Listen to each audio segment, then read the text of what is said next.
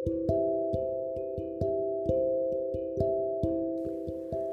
hari ke-14, penuh rasa syukur.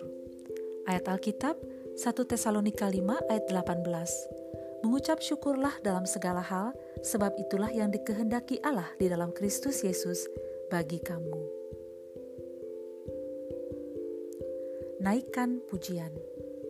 Tuhan, Engkau layak menerima puji-pujian, hormat dan syukur dari mulutku, serta nyanyian baru yang keluar dari hati yang menyadari karya-karya ajaibmu dalam hidup anakku.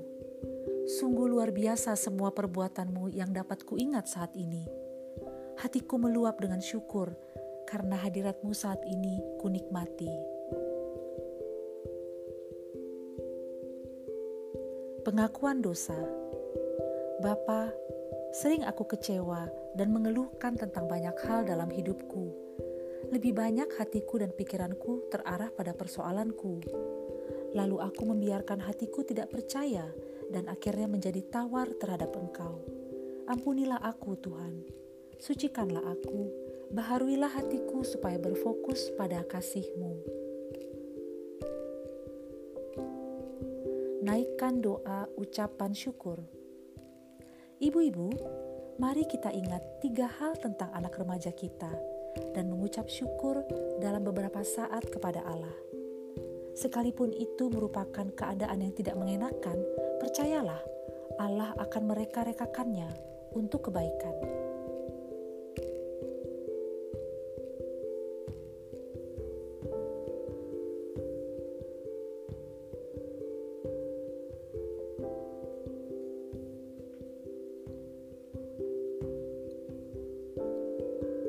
Bapa, betapa aku bersyukur atas anakku.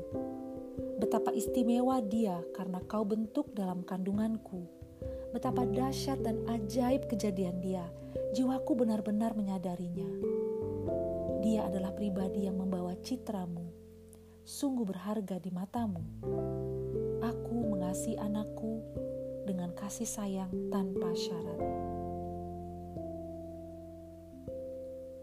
Naikkan doa-doa syafaat.